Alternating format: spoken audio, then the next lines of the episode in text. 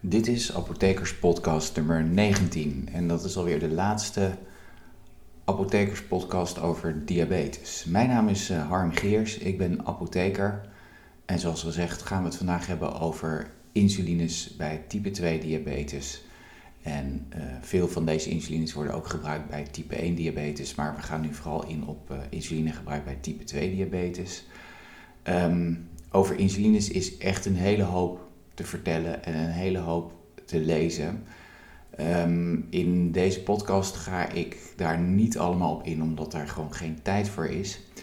Um, maar waar we het wel over gaan hebben is um, de insulines uh, die, die, die verschillend zijn.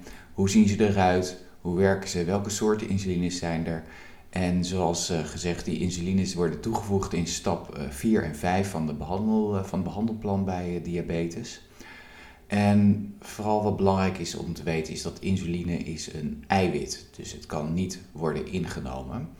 Um, er zijn wel onderzoeken gedaan naar insulines om die bijvoorbeeld via de neus of oraal te gaan nemen. Maar dat is heel erg ingewikkeld omdat die eiwitten natuurlijk um, verteren in het lichaam. Dus uh, insulines zijn, worden allemaal geïnjecteerd. En insuline is eigenlijk een eiwit die bestaat uit twee ketens, een A- en een B-keten. En die ketens die bevatten op verschillende plekken bevatten ze uh, het aminozuur cysteïne. En cysteïne is een, een aminozuur wat een zwavel-waterstofgroep bevat, een SH-groep. En die SH-groepen die kunnen met elkaar een disulfide binding aangaan. Dus die twee ketens zijn met elkaar verbonden, die A en die B-keten, via een disulfide verbinding. Um, insuline is in 1921 voor het eerst geïsoleerd uit de, uh, de alvleesklier of de pancreas van een hond door Frederik Banting en Charles Herbert Best. En in 1951 werd de volgorde van alle aminozuren, want het is een eiwit en een eiwit bestaat uit aminozuren, is vastgelegd door uh, Frederik Sanger. En uh, insuline is uiteindelijk het eerste eiwit wat via recombinant DNA-technologie is gesynthetiseerd door de mens. Um, in de mens wordt insuline, zoals, uh, zoals ik al eerder heb verteld in de podcast, door de beta-cellen van de pancreas aangemaakt. En de stimulus voor de aanmaak, niet voor de afgifte, maar voor de aanmaak, is glucose. En insuline bestaat uit uh, 51 aminozuren, de A-keten uit 21 aminozuren en de B-keten uit 30 aminozuren. En uh, die disulfide binding waar we het over hadden, die door het aminozuur cysteïne wordt mogelijk gemaakt, die is op de positie A7, dus de zevende aminozuur in de A-keten is een cysteïne aminozuur en de B-keten ook op de zevende positie. Dus A7, B7 is een binding en A20, B19. En um, er is ook nog een interne disulfide brug om in de A-keten. Die, is, die, die vindt plaats, plaats tussen de A6 en A11. En wat interessant is, is dat de overeenkomst tussen de insulines bij verschillende diersoorten heel groot is. Um, zo scheelt het menselijke insuline maar heel weinig van, uh, van varkensinsuline, drie, insuline, drie aminozuren. En het blijkt zelfs dat insuline afkomstig uit vissen ook nog een activiteit heeft bij mensen. Dus het is een heel erg, uh, in de evolutie een heel erg uh, een, een, eiwit dat heel erg zijn structuur en vorm behouden heeft. Um, insuline wordt zoals gezegd in de beta-cellen gemaakt van de pancreas als pre-pro-insuline. En prepro-insuline is een eiwit dat bestaat maar uit één keten.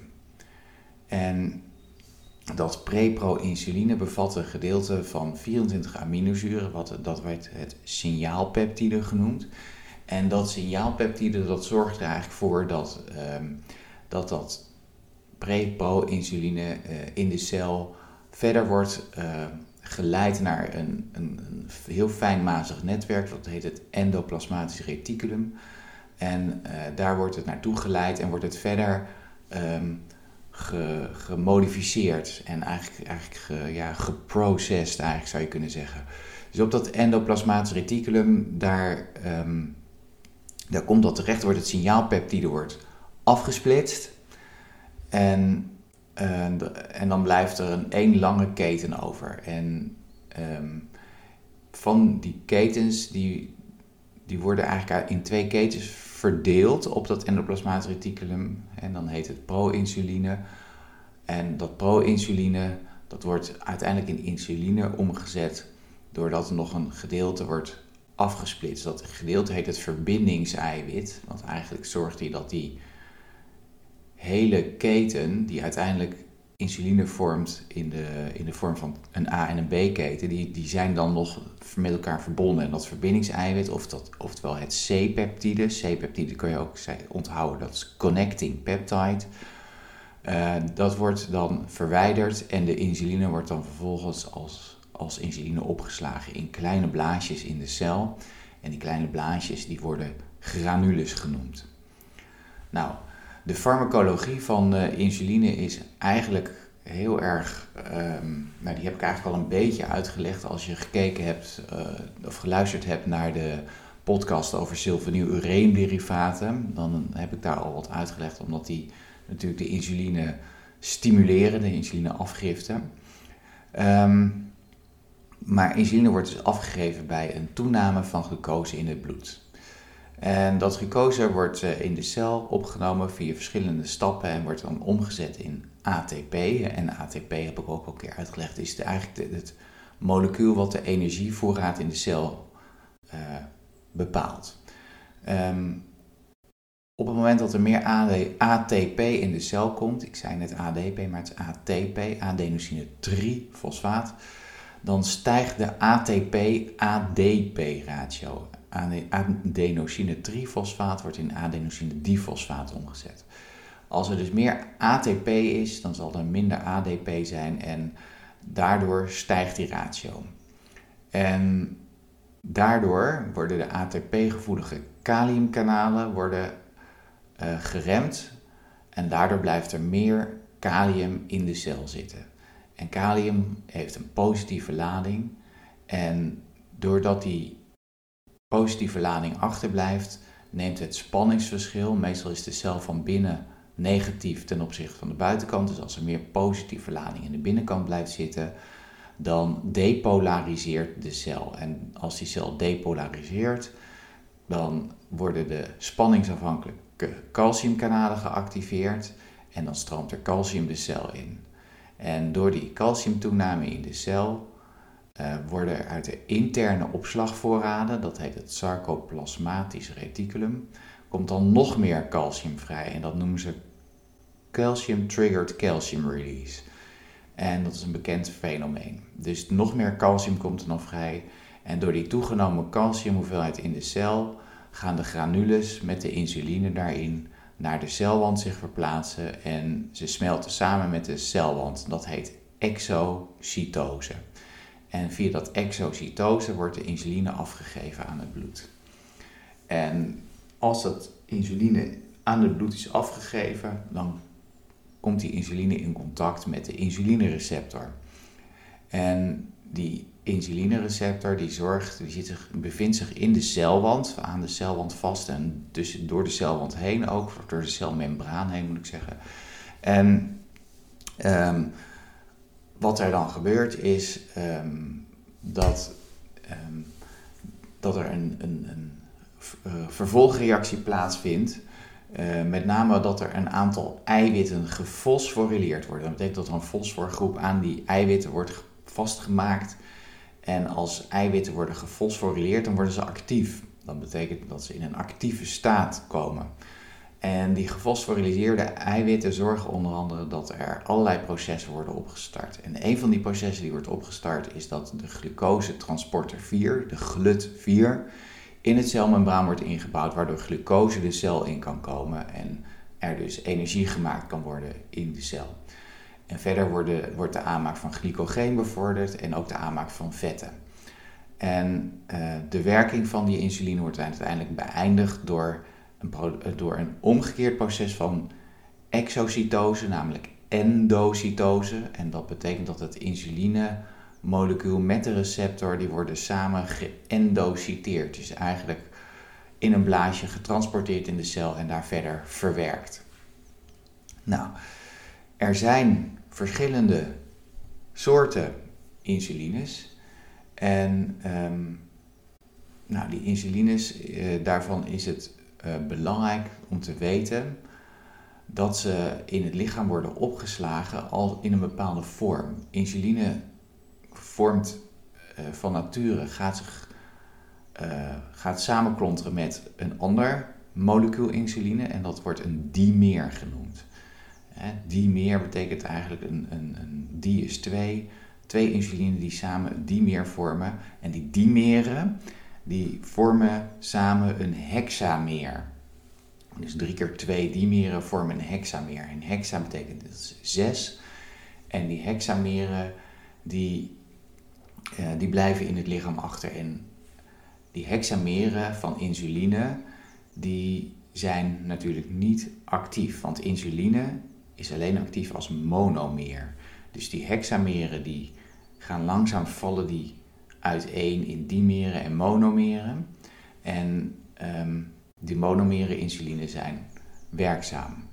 Nou, hoe, hoe langer dus een insuline in die hexameervorm aanwezig blijft, hoe stabieler het is en hoe minder, minder werking er optreedt. Dus die hexameervorming zorgt eigenlijk dat insuline langer blijft afgegeven blijft worden. Langzaam al uit die hexameren komt het, komt het naar voren en dat, dat verlengt de werkingsduur. Dus als insuline niet zo makkelijk in een hexameervorm kan komen, dan betekent het dat het sneller werkt en korter werkt. En dat is het principe waarop de insuline zijn werking eigenlijk doet. En er zijn heel veel verschillende, of heel veel verschillende, er zijn best veel verschillende soorten insuline. Uh, die allemaal gemodificeerd zijn. Dus die insulineketen, daar is iets aan veranderd in die, in die ketens van aminozuren. En die kan je qua, qua je kan, keten, je kan aminozuren toevoegen, je kan aminozuren omwisselen, je kan aminozuren veranderen. En dat verandert ook de eigenschappen van, van die insuline om hexameren te vormen of juist in meer in monomeervorm te zijn. Dat betekent dus dat um, die insulines iets zijn veranderd. Die kunnen iets veranderd zijn door mensen en door uh, DNA-technologie waardoor hun aminozuurvolgorde anders is en ze andere eigenschappen hebben, maar nog wel steeds de werking van insuline uh, nabootsen, dus eigenlijk de activiteit van insuline hebben. En dat zijn de insuline-analoga, zoals ze dan heten. Um, en al die analoga die hebben een, een verschillende manier om zich juist meer of minder in uh, hexameren te vormen. Er zijn eigenlijk uh, verschillende soorten insulines en met name waar we ze op karakteriseren is hun werkingsduur en de het snelheid van intreden van werking. Dus eigenlijk de farmacokinetiek, dat is het belangrijkst. Um, we hebben ultrakortwerkende insulines en dat zijn insuline aspart, insuline lispro en glulysine. Nou, dat zijn allemaal insulines waar iets in veranderd is, dan komen we zo op terug. Dan heb je de kortwerkende insulines, die zijn ook wel bekend onder de naam gewoon insuline. En dan heb je nog de middellangwerkende insulines, die worden isofaan-insulines genoemd. En de langwerkende insulines, en dat zijn insuline glargine, insuline detemir en insuline degludec. Nou, ik ga ze één voor één even kort behandelen de ultrakort werkende insulines, dat zijn insulines die werken binnen 15 minuten, soms zelfs nog wel iets sneller. En die hebben een piek eh, 40 tot 90 minuten uh, na de injectie en ze verlengen de bloedglucose 4 tot 5 uur. Nou, het is ook logisch dat je die insulines vlak voor de maaltijd of tijdens de maaltijd zelfs geïnjecteerd worden. De werkingsduur van 4 tot 5 uur geeft aan hè, dat ze ja, net voldoende, voldoende werken om al het voedsel wat, uh, wat is ingenomen en wat, wat voor een gedeelte in glucose wordt omgezet, uh, om die glucose te kunnen verlagen. En zodoende uh, kunnen die ultrakort werkende insulines de normale insulinefluctuatie in het lichaam kunnen ze een beetje nabootsen. Nou, een van die ultra kort werkende insuline, insuline Lispro, insuline Lispro, zegt, het zegt het al, Lis, Lis staat voor lysine en Pro staat voor proline. Uh, dit, is een van, dit is eigenlijk het eerste insuline-analogon wat uh, is, is ontworpen om sneller te werken. Uh, in insuline Lispro zijn de aminozuren lysine en proline, die oorspronkelijk op de posities van de B-keten 29 en 28 zaten, die zijn omgewisseld. En hierdoor heeft het insuline Lispro minder de neiging om uh, dimeren en hexameren te vormen, waardoor het meer in de monomeervorm voorkomt en daardoor sneller werkt en eerder beschikbaar is. Um, insuline aspart is ook zo'n insuline-analogon. En hier is in de B-keten op positie 28 het aminozuur proline vervangen door asparaginezuur, dus een ander aminozuur. En ook op deze manier zullen er minder dimeervormingen uh, plaatsvinden en heeft het een sneller effect. Er is nog een aparte vorm waarbij er niacinamide is toegevoegd, dat is vitamine B3. En niacinamide is een hydrotroop en het zorgt eigenlijk dat de interactie tussen de waterafstotende gedeeltes van de insuline, dat die worden afgeschermd, waardoor het insuline nog minder snel de neiging heeft om hexameren te vormen. Bovendien zorgt niacinamide ook nog voor een iets betere doorbloeding, waardoor het nog sneller wordt opgenomen. Uh, de relevantie daarvan is niet geheel duidelijk en het wordt, dit type insuline aspart met niacinamide wordt eigenlijk voor een beperkte groep mensen toegepast. En het lijkt erop dat ja, bij sommige van die mensen een duidelijke verbetering kan plaatsvinden. Maar de, voor type 2 diabetes is de relevantie hiervan volstrekt uh, onduidelijk. Uh, dan heb je nog insuline glilucine. Bij glilucine is de groep op positie B3 vervangen door een lysine groep. En de lysine groep op positie B29 is vervangen door glutaminezuur. En ook hierdoor neemt die zelfassociatie in dimeren en hexameren af, waardoor de werking sneller is. Nou, uh, de normale insuline heb je dan ook nog. Die hebben een, uh, heeft een wat ander profiel. Normale insuline werkt pas na 30 tot 60 minuten, terwijl die ultrakortwerkende al binnen 10 tot 15 minuten werken. Met een piek na 2 tot 3 uur. En dan verlaagt het de glucosespiegel ongeveer 6 tot 8 uur lang. Dus iets langer dan, ultrakort, dan die ultrakortwerkende insulines. Uh, deze werden, worden drie keer gebruikt in combinatie met een langwerkende insuline vaak.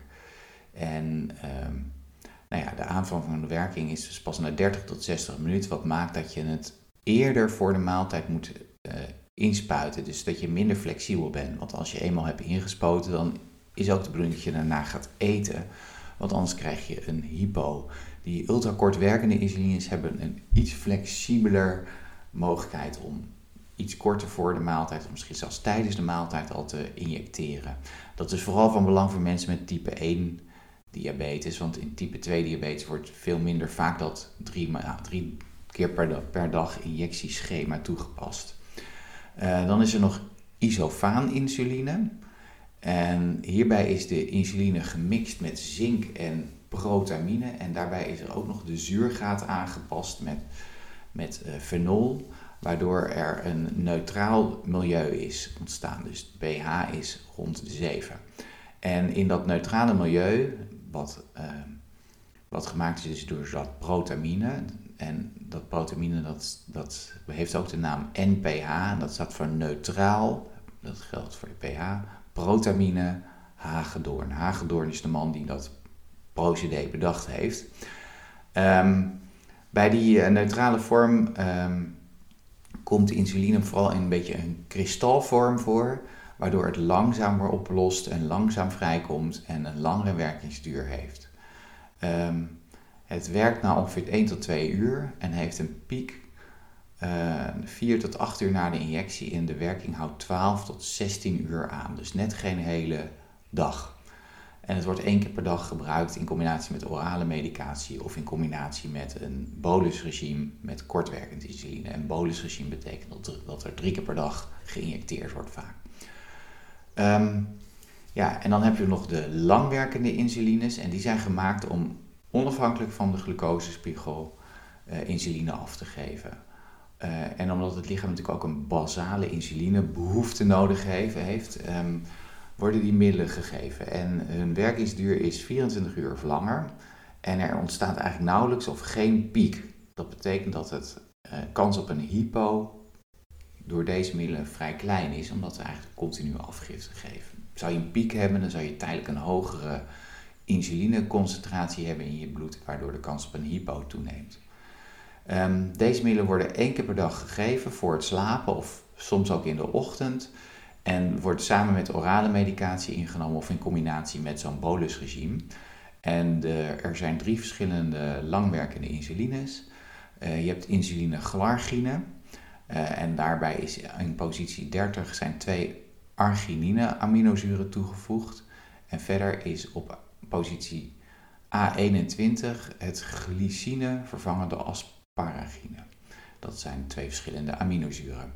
En hierdoor verandert het isoelektrisch punt. Het isoelektrisch punt is uh, het, het punt, en, en, dat is vaak een pH, de pH-waarde, waarop de netto-lading van de, van de insuline, al die, al die aminozuren die kunnen ook soms een lading hebben.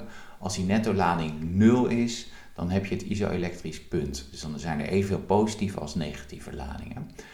Um, en als, als er weinig, hè, als dat, als dat isoelektrisch punt is, dan betekent dat dat die, dat die insuline daardoor minder makkelijk zal uh, oplossen.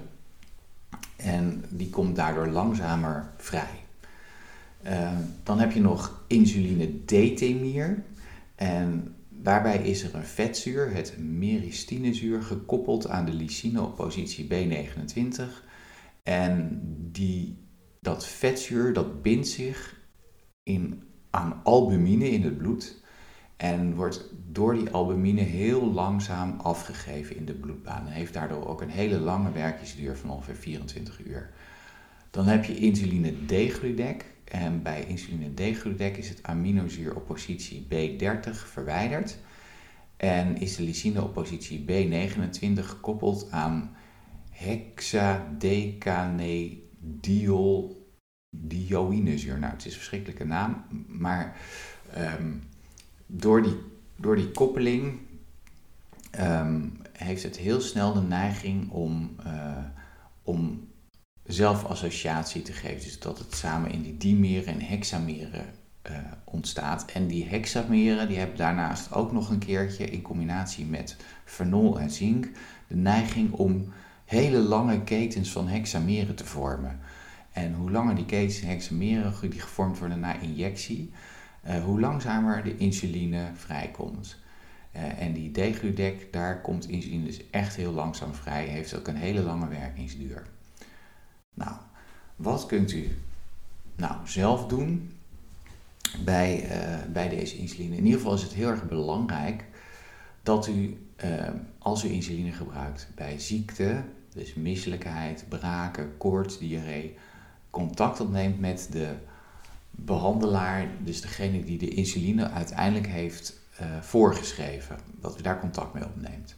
eigenlijk ont, ont, onthoud ik het altijd, of kun je het makkelijkst onthouden, braken is bellen. Dus braken, maar dat betekent ook koorts, diarree, dat, je, dat er contact moet worden opgenomen met de behandelaar. Dat kan, dat kan de huisarts zijn, maar dat kan ook de internist zijn, dus degene die uw insuline heeft um, ingesteld.